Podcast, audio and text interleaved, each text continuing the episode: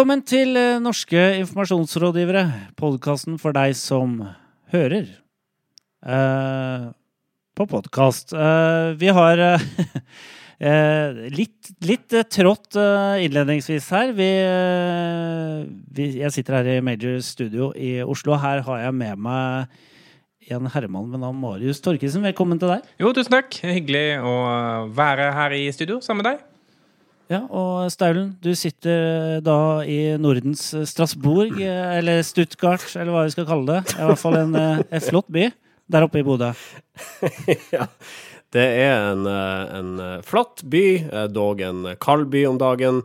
Bodø, stedet der jeg bor, og delvis kommer fra. Ja, det som jeg legger merke til nå, det er jo uh, at eh, det er faktisk eh, blitt jule, jul i gatene. Det er, det er julepynt eh, i, i, i gata, og det trodde jeg ærlig talt ikke skulle skje før 1. desember. Ja, altså, jeg, jeg, jeg syns jo det der eh, begrepet 'julekvelden på kjerringa' blir mer og mer fjernt. For jeg tenker, hvem er denne kjerringa som ikke får med seg at det er jul? Men, bare, Å, er det jul? Det har jeg ikke sett. Det, det har jo vært, det har vært julepynt overalt i, liksom, i to måneder nå. Hva mener du? Selvfølgelig er det, selvfølgelig er det ikke julekveld på kjerringa. Ja, har du bodd i en kjeller uh, hele året, liksom? Ja. Er det, men er det, er det jul uh, i Oslo nå? Altså, er, det- er, er lysene tent opp etter Karl Johan? Absolutt. eh, Og, og butikkene er fulle av sånne juleskumnøtter, Uh, juleditt, juledatt, juletorsk. Og ribbe. Og ribbe og pinnekjøtt.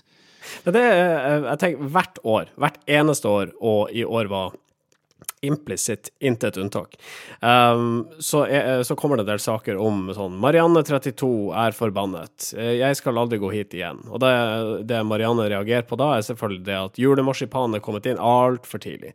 Og nissene er kommet i vinduet altfor tidlig. Vi må da kulene en uh, måned til. Og apropos det med julekvelden på kjerringa. Altså, bør ikke folk slutte å la seg overraske over at jula kommer tidligere enn vi feirer den?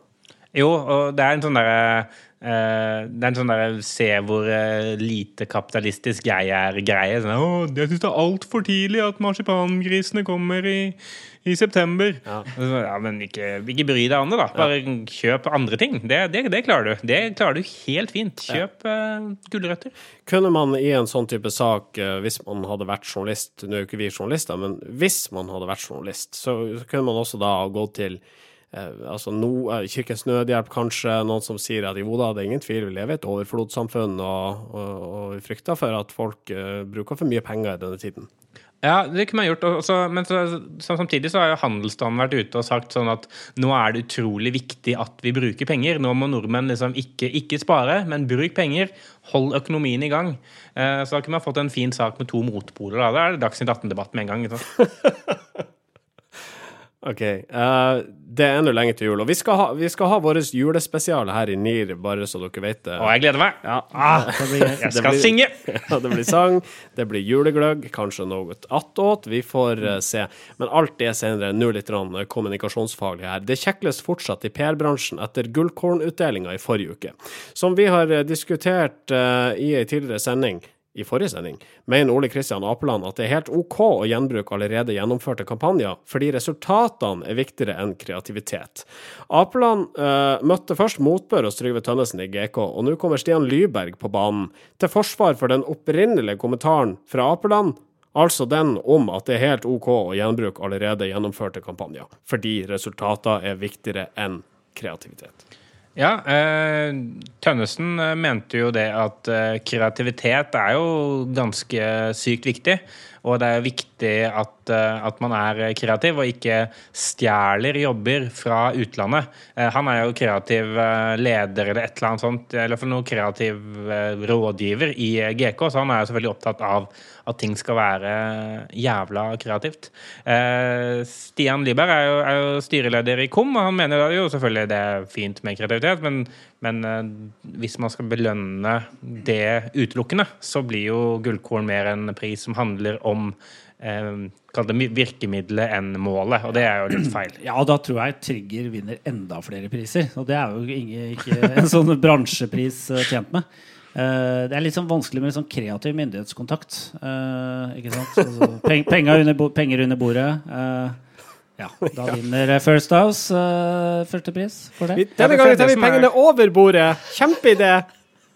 Det er, det er som er, jeg, synes jeg, med gullkålen opp mot uh, vanlige reklamepriser, er at uh, mye av det handler jo bare om liksom, godt uh, håndverk og forstå noe. da, Og sånn kreativitet, sånn som reklamebransjen tradisjonelt sett har definert det, som er sånn der ta en svær binders og sette den opp ned og fargen rosa, liksom, mm. eh, for et eller annet. Det, det, er ikke nødvendigvis det som alltid er riktig eh, i en eh, kommunikasjonspris, da, som det er gullkorn her. Så der kan du bare ha faktisk gjort noe strategisk riktig, og det, og det var fint, uten at det var eh, en gigantisk boble med i dette her. Men da kunne du teoretisk sett en uh, kampanje som sa at uh, pushpop er det beste godteri i verden! Uh, vunnet gullkorn, da, hvis det førte til at det ble noe djevelsk uh, med solgte pushpop? Ja, altså hvis, hvis, det var det riktigste å gjøre, da? Altså hvis man, kan, hvis man kunne definere at uh, her hadde vi en innsikt og en strategi som viste det at det å si pushpop er det viktigste i verden, det var alt som skulle til. Ja. å få, få medieomtale på det for å selge pushpop, og man kan dokumentere effekten, så i teorien ja. Riktig.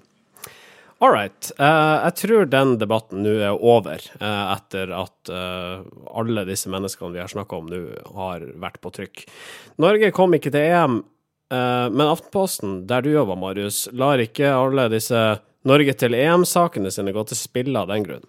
Nei, på Aftenposten sin Facebook-side bak forsiden så forteller de de slukørede sportsjournalistene eh, i Aftenposten om alt det stoffet de hadde forberedt hvis Norge skulle gå til EM. Eh, de hadde til og med engasjert Donald-tegner Arild Midthun til å tegne en karikatur av Per-Mathias Høgmo med bagett og og piknikkurv osv. Veldig sånn typisk fransk. og lagde en guide til, til Frankrike-VM. Ja, det så veldig flott ut, men det ble jo aldri publisert. Nei, det var, det var, jo, I og med at den kampen ble spilt så sent uh, på søndag, så var man jo nødt til å gjøre altså Ikke bare liksom, tekstene klare, men alle avissidene klare i tillegg. Mm. Det er sånn komisk i etterkant å se uh, avissider hvor, hvor, det står sånn 'De nye heltene', og så står det liksom litt om alle som har spilt uh, deltatt i kvalifiseringen, og alt om EM-festen, og 'Norge skal med'! og det var jo altså, på, på morgenmøtet i Aftenposten på mandag, så var det jo det var en skuffa eh, sportsjournalistgjeng som hadde brukt mye tid på dette, og som da tydeligvis bestemte seg for at de gjerne ville dele dette likevel. Mm. Du kan uh, altså se disse avissakene ferdig brukket, mind you, eh, altså som skulle ha vært i Aftenposten, ligger på Facebook-sida bak forsiden. Uh, uh, og så tenker jeg det at det her evige presset om å være først med nyheter og hele tida drive og pushe opp mot deadline, fører til at mange journalister kaster bort djevelsk mye tid på å lage ting som egentlig aldri kommer på trykk. Ja, og ikke minst mange brekkere, eller layout-medarbeidere i avisene, eh, lager mye flott design som aldri kan eh, vinne en pris. Ja, Og det er et problem. Det er et kjempeproblem. Ja. Demokratisk problem. Ja. For eh, god brekking er vel en uh, bærebjelke for demokratiet, slik vi kjenner det i dag? Det er bærebrekke, det. Brekking. Mm. Eh, altså, det hadde jo vært artig egentlig å, å egentlig lage en hel avis med, med liksom dette Slik kunne året blitt. Ja, ja det hadde vært gøy. Eh, det hadde vært litt interessant. Det... De døde, de døde avissiders uh... Ikke sant? Kirkegården og ja, ikke sant? det er faktisk en kjempeidé. Det tar vi tak i rett etter sendinga, men for nå så ønsker vi velkommen til NIR episode 130. Norske informasjonsrådgivere. Har, dere, har dere noen gang tenkt på hvorfor vi sitter og sier hvilket nummer av episoder i rekken det er? Ja, jeg har tenkt på det at det kan være lyttere som tenker jøss, har jeg ikke hørt dette her før? For de snakker om det samme mer eller mindre hver eneste uke. Ja. Så bare, Å nei, det er en ny episode, ja, ok. Ja, så er det noe med å bli minnet på at uh Altså hver, hver, sending når vi begynner, så er jeg veldig nervøs og tenker dette har jeg nesten aldri gjort før. Så jeg kjempe, og jeg har gjort det 130 ganger før. Ja. Det bør ikke være sånn. Det er mest for oss sjøl, egentlig. Altså, ja, det er egentlig det, altså. Mm. All right.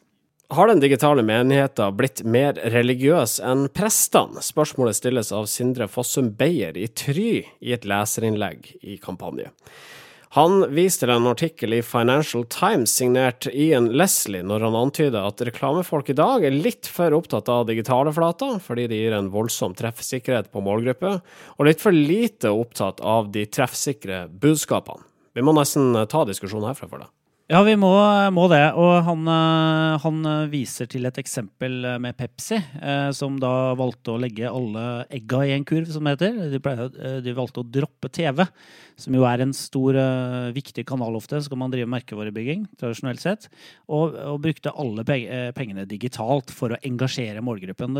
Men resultatet var at Pepsi tapte 5 eh, markedsandeler. Men eh, så uh, mottakerne, da, da de satsa kun digitalt, de ble jo veldig engasjert? da? De ble jo veldig engasjert, og, og delte masse innhold. Og, og, rakk vel aldri å drikke noe brus, for det hadde så mye innhold de skulle dele. uh, men det som er Fossum Beyer sitt, uh, sitt, sitt, poeng, er jo at det er jo ikke Det er ikke alltid targeting, eller altså det å treffe den kjernemålgruppen alltid er det riktige. For når det gjelder brus, f.eks., så skal man, eh, hvis man ønsker at flere skal drikke brusen, så bør man treffe andre mm. enn de som allerede er fans. En som tar til motmæle her, er Camilla Kielland i Trigger. Hun mener det ligger noe mellom linjene i Beyers innlegg. Altså noe om at TV er bedre enn digitale flater. Det virker som at innlegget hans er et forsøk på å klamre seg fast til TV-masta, skriver Camilla Kielland i sitt svar. Ja, eh, Camilla Kielland mener jo det at dette her er litt bakstreversk fra Fossum Beyer. Og fordi han da velger å trekke fram eh, Pepsi sitt eh, Refresh Project så, og bruke det for å konkludere det at sosiale medier ikke er saksutløsende nok, så mener han at dette bare er en halmstrå som Beyer eh, griper etter fordi han ikke kan digitalt godt nok selv. Det er iallfall sånn litt det det ender opp på. Eh, og, så, mener hun det at eh, hvis eh, Don Draper hadde levd i dag, eh, så hadde han også endret seg. fordi det, det det handler om. Det handler ikke om liksom, hvorvidt én eh, ting funker bedre enn noe annet. Det handler om hvorvidt du som virksomhet er eh, god nok til å endre deg i takt med utviklingen som skjer i det markedet du er en del av. og Don Draper kom jo alltid inn i disse diskusjonene av en eller annen grunn. og Det begynte jo med at Fossumberg refererte til han, og så kom hun tilbake igjen, og så kommer Fossumberg med et tredje innlegg som han handler om Don Draper. og og Mad Men har hatt siste sesong. Eh, vi må finne noen nye referanser tror jeg, i disse diskusjonene. Homeland kan vi ikke finne. altså ja. Game of Thrones. Prøv, la oss finne noen nye referanser. ja. Men, men, men, det, det syns jeg er veldig sånn altså, Den diskusjonen her oppstår jo fordi det er et større problem der ute. Og det er jo det at vi har nå eh, byråer og personer som er veldig gode på sine respektive kanaler. Altså Camilla Kielland er uten tvil veldig flink på digitalt. Eh, Sindre Fossum Beyer er utvilsomt veldig flink på eh, bl.a. TV. Man har jo også vært en tidligere PR-mann, så han kan jo mye forskjellig. og, osv. Men det er veldig få som er gode på det å se kanalenes rolle i et større perspektiv. Da.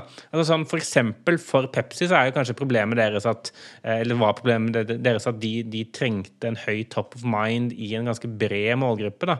Eh, og TV bygger det kanskje mer effektivt i en større gruppe, mens med sosiale medier bygger det eh, sterkere i en mindre gruppe. Og da, hvis du da får en liten, mindre gruppe som er veldig engasjert, men da færre som faktisk ser det, så vil det kanskje færre kjøpe fordi det er så lite som skal til for å måtte velge Pepsi eller Cola i en sånn lavinvolveringskategori. Men når ingen da liksom sitter og ser på ok, hva skal TV gjøre, hva skal digitalt gjøre, hva skal eh, utendørs gjøre, og klare å sette det sammen, så blir det sånne diskusjoner som hva er best, den ene eller den andre? Og svaret er ingen, fordi det kommer jo helt an på. Altså, det, det der med å være bundet fast en TV-mast, det er jo ikke så gærent å være det når 950 000 eh, mennesker tuner inn på Ungarn-Norge. Og det da å kjøpe reklame rundt den kampen, du blir jo sett av veldig mange mennesker. Kan vi si det sånn at eh, Sindre Fossum Beyer og Camilla Kim Kielland, i hvert fall hvis man betrakter denne debatten utenfra, eh, fremstår som på hver sin ende av en eller annen skala, men at ingen av dem, altså ingen av dem har rett. Eh, jo, det jo, kan vi jo selvfølgelig gjøre. Det kan vi eh, selvfølgelig. Ja. men eh, problemet er igjen at de er mest opptatt av å selge sine tjenester, og, og ikke opptatt nok av å løse den større utfordringen som kundene deres helt garantert sitter på, som er hvordan i all verden skal jeg navigere meg i et miljø hvor noen sier at TV er viktig, og noen sier at digitalt er superviktig, og ingen egentlig bryr seg om liksom, totaliteten min. da. Eh, og det burde både Fossum Beyer og Kielland bli bedre på. Norske informasjonsrådgivere. Vi var eh, inne på dette her med lineær TV avslutningsvis i stikket vi nettopp har forlatt. Terrorangrepet i Paris forrige helg førte massene til TV-apparatene. Mer enn én million seere var innom TV 2 lørdag, og det er en ny rekord for kanalen. Men kanskje er det ikke så rart at vi flokker oss til de tradisjonelle mediene når de store hendelsene inntreffer, for de sosiale mediene er nemlig ikke alltid til å stole på. Nei, uh, under, i forbindelse med Paris-terroren uh, uh, forrige helg, så, så, ble det jo spredd en del usannheter, eller unøyaktigheter, på sosiale medier.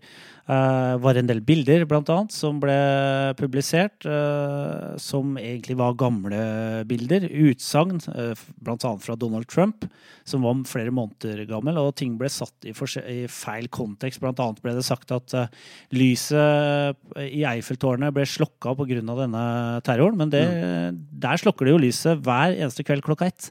så det, er, det var en mylder av informasjon som man egentlig ikke kunne ta for god fisk. Ståle Gru Ruth har en eh, interessant oppsummering av en del ting, altså feilaktige påstander som har kommet, fremkommet i sosiale medier i tida etter Paris-terroren. Ja, han har det. Han har skrevet et uh, flott eh, blogginnlegg eller en artikkel, om, om du vil, på, på nrkbeta.no, hvor han går gjennom uh, bl.a. disse påstandene som, som Sindre nevner, uh, og, og, prøver måtte, å konkludere med liksom, hvorvidt, hvor, altså, hvorvidt, man kan faktisk stole på mye av den informasjonen man får. Og den store problemet er jo kontekst. ikke sant? Når, når, man, når man er til stede på sosiale medier, så blir jo først og fremst Eh, troverdighet blir ofte bygd i form av antall følgere. Så en person med mange følgere vil ofte bli sett på som troverdig.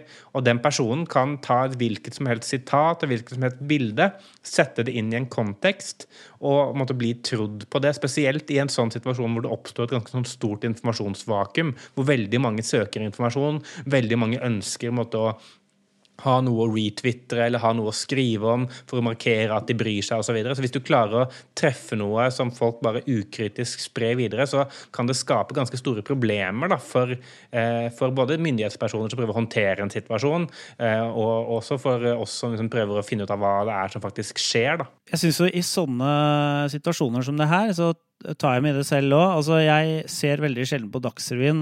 Jeg har små barn, og det det gir utfordringer. Det er ofte rundt leggetid. Men akkurat Jeg så Dagsrevyen på lørdag eh, for første gang på lenge, og det var nettopp eh, pga. at jeg hadde dette behovet for eh, et medium som redigeres. Altså en redaktør. Jeg ønska å få satt ting i system. Og jeg ønska å få vite mest mulig om om det som har skjedd i Paris, fra en kredibel, et kredibel en kanal. Da. Og der tenker jeg at at uh, lineær-TV-kanalene spiller en veldig viktig rolle. Da. Uh, fordi at uh, de kan hjelpe meg å sette informasjon litt mer i, i system. Du har sosiale medier som sprer utrolig mye informasjon som man ikke kan vite er sant eller ikke. Så har du nettavisene som er veldig flinke på øyeblikksnyheter og gir meg det siste. Og så har du de her nyhetssendingene på TV som, som setter ting som klarer å liksom stokke om ting eh, sånn at det blir forståelig for meg. Så i en verden der vi har uh, altså, levende og brukerstyrte kanaler som altså, fòrer folket der ute med informasjon som ikke nødvendigvis er korrekt, i en slik verden så er det spesielt viktig at mediene faktisk sørger for å kule han litt, verifisere informasjon og komme ut kun med fakta. Ja, det er, det er litt sånn ironisk i det at uh, det at alle har blitt journalister, gjør faktisk mediene viktigere enn noensinne. da, mm. Som liksom kuratører og som, som uh, godkjennere av hva som er sant og hva som ikke er sant. Og, og det er jo fint for, uh, for, oss som jobber i, i mediene, men, men, det er også, også litt spennende fordi det undergraver og belyser virkelig sånn svakhetene da, som ligger i uh, brukergenerert innhold. Og så vil jeg bare ta meg helt på slutten her at uh, det er også veldig viktig at mediene holder seg sjøl i uh, nakken. Det er jo ikke så lenge siden vi diskuterte en sak som TV 2 gjengår, som viste seg bare å være bullshit. Det er ikke bare én sak TV 2 har gjengitt som er bullshit, det er jo opptil flere. ja. Skjerp dere, TV 2. Ni av ti nordmenn elsker agurk. Et representativt utvalg av nordlendinger viser at Sørlendinger mest skeptisk til Volvo. Hordalendinger best i senga. Kvinner mest opptatt av mild. Oppland på brokkolitoppen. Ukas Undersøkelse. Ja, Vi tar en uh, titt på uh, virkemiddelet undersøkelse, som er et svært populært et, og en selvfølgelighet i de fleste PR-rådgiveres verktøykasse. Marius Torkelsen? Ja, stemmer. Undersøkelser er jo et uh, garantert eh, verktøy for å få presseomtale på. Og hvis du har funnet ut det at noen synes noe noe mer enn noen andre, da syns eh, journalistene det er gøy. Spesielt hvis du kan vise at eh, det stammer fra deres eget hjemfylke eller, eh, eller deres egen interessentgruppe, som er klønete formulert, men det er likevel sant. Ja, og, og det er også veldig interessant dersom resultatet av undersøkelsen f.eks. bygger opp om en gammel fordom. For eksempel Nordlendinger liker heimbrent bedre enn østlendinger. Ja, det, er, det, er, jo en fantastisk eh, sak. Eller, eller eh, jeg husker en, en, sak som jeg var borte en gang, som var sånn eh, Nordlendinger skifter eh, underbukser eh, sjeldnere enn østlendinger. som fikk masse, masse omtale. All right. vi setter søkelyset på disse undersøkelsene ved å trekke fram noen uh, i hist og pist. Ja, det gjør vi. Og, og, det, og det, er bare sånn der, det, Vi gjør det bare fordi vi vil bare vise hvor absurd det kan bli innimellom. Mm. Eh, den første undersøkelsen jeg har lyst til å trekke fram, det er en undersøkelse fra, eller en sak fra Nasjonen, hvor et, en virksomhet som heter Dale Carnegie Training, som er en form for konsulentvirksomhet som hjelper virksomheter med å trene sine ansatte og motivere dem osv., de har gjort en landsrepresentativ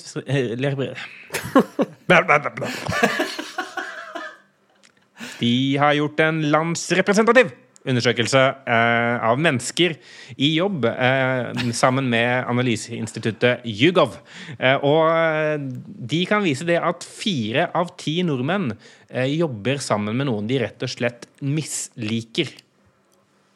Altså 41% av de som jobber sammen med én eller flere personer som de misliker. Eh, undersøkelsen viser også at det er flest kvinner som opplever dette. 44% av kvinner eh, misliker eh, kollegene, mens 78 av menn. Mm. Og 18% har problemet vært og har opplevd problemet så stort at de har valgt å bytte jobb. Og dette er jo noe Dale Carnegie Training har eh, god kunnskap om. Og Ingrid Bygland fra DCT, som vi kan kalle dem, de sier det at vi kan velge venner, men vi kan i svært liten grad velge våre kolleger. At så mange som nesten halvparten Nesten halvparten er et veldig populært begrep hvis du er som fra 30 og opp av norske arbeidstakere jobber sammen med kollegaer de misliker, forteller at vi her har å gjøre med et stort problem som i verste fall fører til at folk slutter i jobben hvis det ikke blir løst. For en entusiasme der, Torkelsen. Det, det, altså det var fire av ti først, og så nesten halvparten. 41 ikke? Hvor mange, hvor mange av de som bytter jobb, fortsetter å jobbe med folk de misliker? For hvis de gjør det, så er det de sjøl som er problemet. Ja, men det, det, er også poenget til Bygland helt avslutningsvis. Fordi eh, eh, hun sier det at ikke skyld på kollegaen din. Det er lett å rette fingeren mot den andre personen, men vi må gå i oss selv først. Oh, ja. Så, så litt uh, moralsk pekefinger på slutten der. Ja, ja, ja. Bra, det. Du, uh, hvordan er det du um, finner fram disse undersøkelsene? Litt om metodikken. Metodikken er uh, følgende. Gå inn på retriever.no. Logg deg på med et passord du har. Skriv inn i søkefeltet følgende frase. Hugov. Trykk på søk. Les. Hugo har rett og slett eh, monopol på rare undersøkelser. ja, altså, sånn, altså, hvis, du, hvis, du, skal finne det rareste, da, da må du se, se på Hugo. Norstat gjør også litt sånne type ting, men det er ofte litt mer sånn seriøst. da. Ja. Hugo, eh, der er det alltid mye snacks. Vi er ikke sponsa av Hugo. Det trodde du helt sikkert ikke heller, eh, kjære lytter, at du var. Men, ja, men hvem vet? Jeg vil ta med en undersøkelse til som er, eh, som er referert på nettstedet dfly.no. Som er en eh, nettside for reise- og flyentusiaster. Ja. Eh, og av en eller annen grunn så har de skrevet denne saken på dansk, selv om det er en norsk nettside. Overskriften er 'Danskerne vil vågne tett på pisten'. Eh, og den handler om det at hver femte danske som booker hytte, hotell eller leilighet for skiferie i Norge, de foretrekker å bo tett på løypa. Altså, de vil ikke bo langt fra løypa, de vil bo tett på løypa. Det viser en ny undersøkelse utført av Hugo wow. sammen med eh, Den norske turistforeningen. Ja. Um, og jeg undres, eh, kan det være eksempel, altså ut fra det du eh, kan lese ut av denne undersøkelsen, kunne spørsmålet de, altså, de har stilt respondentene vært noe slik som Foretrekker du å bo nært løypa, middels unna løypa eller langt fra løypa? Og så Ja, jeg, jeg ser for meg at det, er, at det er et eller annet sånt, men det er litt sånn overraskende at bare hver femte danske. At det betyr, det betyr 20% Resten foretrekker å ikke gjøre det. Ja. Ja, jeg, ja, ja jeg foretrekker bare stygge løyper. Uff, Da- det var forferdelig dansk. Jeg, jeg, Jeg kan jo Nei, det var ganske du gjorde et forsøk, i hvert fall. Jeg kan, jeg kan jo avslutte da med at uh, en annen undersøkelse også viser det at seks av ti nordmenn velger å ta med seg vin når de er ute og flyr, uh, ifølge en undersøkelse av Hugo sammen med Travel Retail Norway. Litt, ta med seg vin. Ja. Altså hjemmefra. Det er litt sånn ukorrekt formulering, ser jeg, men jeg, jeg tror det betyr liksom, ta med seg vin når de er ute og flyr. Så eh, kjøpe det på taxfree-en. Tusen takk for en redegjørelse rundt og om ukas undersøkelse. Marius Skjerve Torkelsen. Ukas kudos. Kudosen går til Göteborgs kirkelige statsmisjon, som er en ideell organisasjon i Sverige. Hvorfor det? Ja, det er vel det som tilsvarer Kirkens Bymisjon i Norge. De, har, eh, de får kudos, for de har laget en virtual reality-kampanje der man kan oppleve hvordan det er å være hjemløs i en fem, fem minutter lang film. Hvor man også får føle fysisk eh, kulde og, og lukt fra dette her, eh, denne her scenen eller dette stedet hvor de hjemløse befinner seg. Eh, og virtual reality er jo blitt eh, omtalt som en sånn empatimaskin. Uh, og her får virkelig folk uh, føle hvordan det, på kroppen hvordan det er å, å leve et helt annet liv og mye, mye verre liv. En slags hjemløs simulator, med andre ord.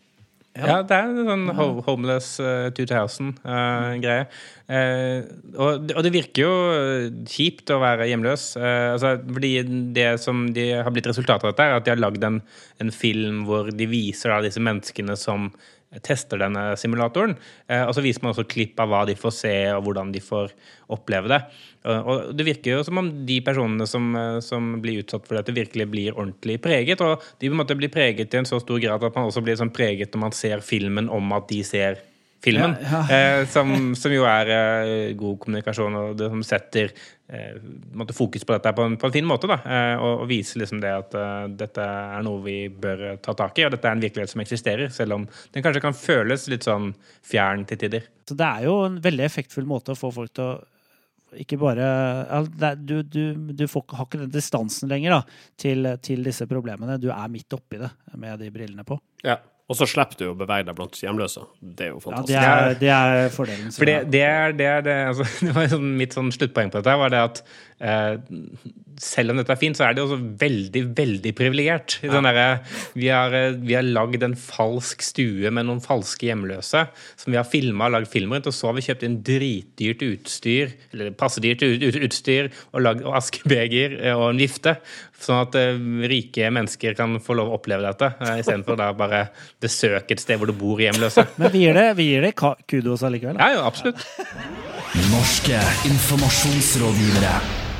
Vi tar med helt på tampen her at Oxford Dictionaries har uh, kåra årets eh, ord i eh, 2015. Eh, men det er ikke et ord, men et emoticon. Ja, eh, denne her eh, ordboka de har eh, gjort Ved hjelp av noe som heter Swift Key, så har de funnet ut hvilke emot, emoticons vi bruker mest i sosiale medier og på nett. Og der finner de derre grine-smilefjeset. Det fjeset som ler så det griner. Ja. Det blir brukt utrolig mye. Altså det, det er jo det mest irriterende eh, smilefjeset der ute også. Det og denne apen som holder seg for øynene. Eh, de to de er- får jeg litt vondt av. Det er Eh, også et, eh, et, et type tegn som noen misforstår. Det var en kollega på jobben som fortalte at han hadde sagt til faren sin at det var slutt med kjæresten. Og da hadde faren sendt da dette tegnet. ler så han griner. Kanskje det bare, bare er grining. Det var, det var jo egentlig ment som medfølelse, tror jeg. Men, men, men, men det, det som jeg synes er irriterende med er at folk ofte bruker det om seg selv. da. Sånn derre sånn, Se hvor fjollete jeg er. Sånn derre Tok på meg eh, to forskjellige sokker. Ler så jeg griner. Sånn. Lite teit er jeg, da. Crazy Susanne! Susanne is crazy. Dun, dun, dun, dun, dun, dun, dun. Who else but Susanne? Du, ehm, jeg tror vi skal sette en strek for eh, dagens sending. Facebook.com slash Nearcast. Besøk oss gjerne der. Skriv ting til oss, vær så snill. Og del oss gjerne på Reddit, og prøv å få oss til å trende der. Ja, Så- vi vil ha litt, litt mer reach, føler vi. ja, Og mer Roy. For eh, altså, vi legger inn en betydelig innsats for å få dette her til hver eneste uke. Ja, hvis ikke dere viser at dere setter pris på oss, så Så fortsetter vi da bare. fortsetter vi bare helt til dere gjør det. All right. Vi høres igjen om ei uke. Fram til da. Ha det! Bye! Norske informasjonsrådgivere.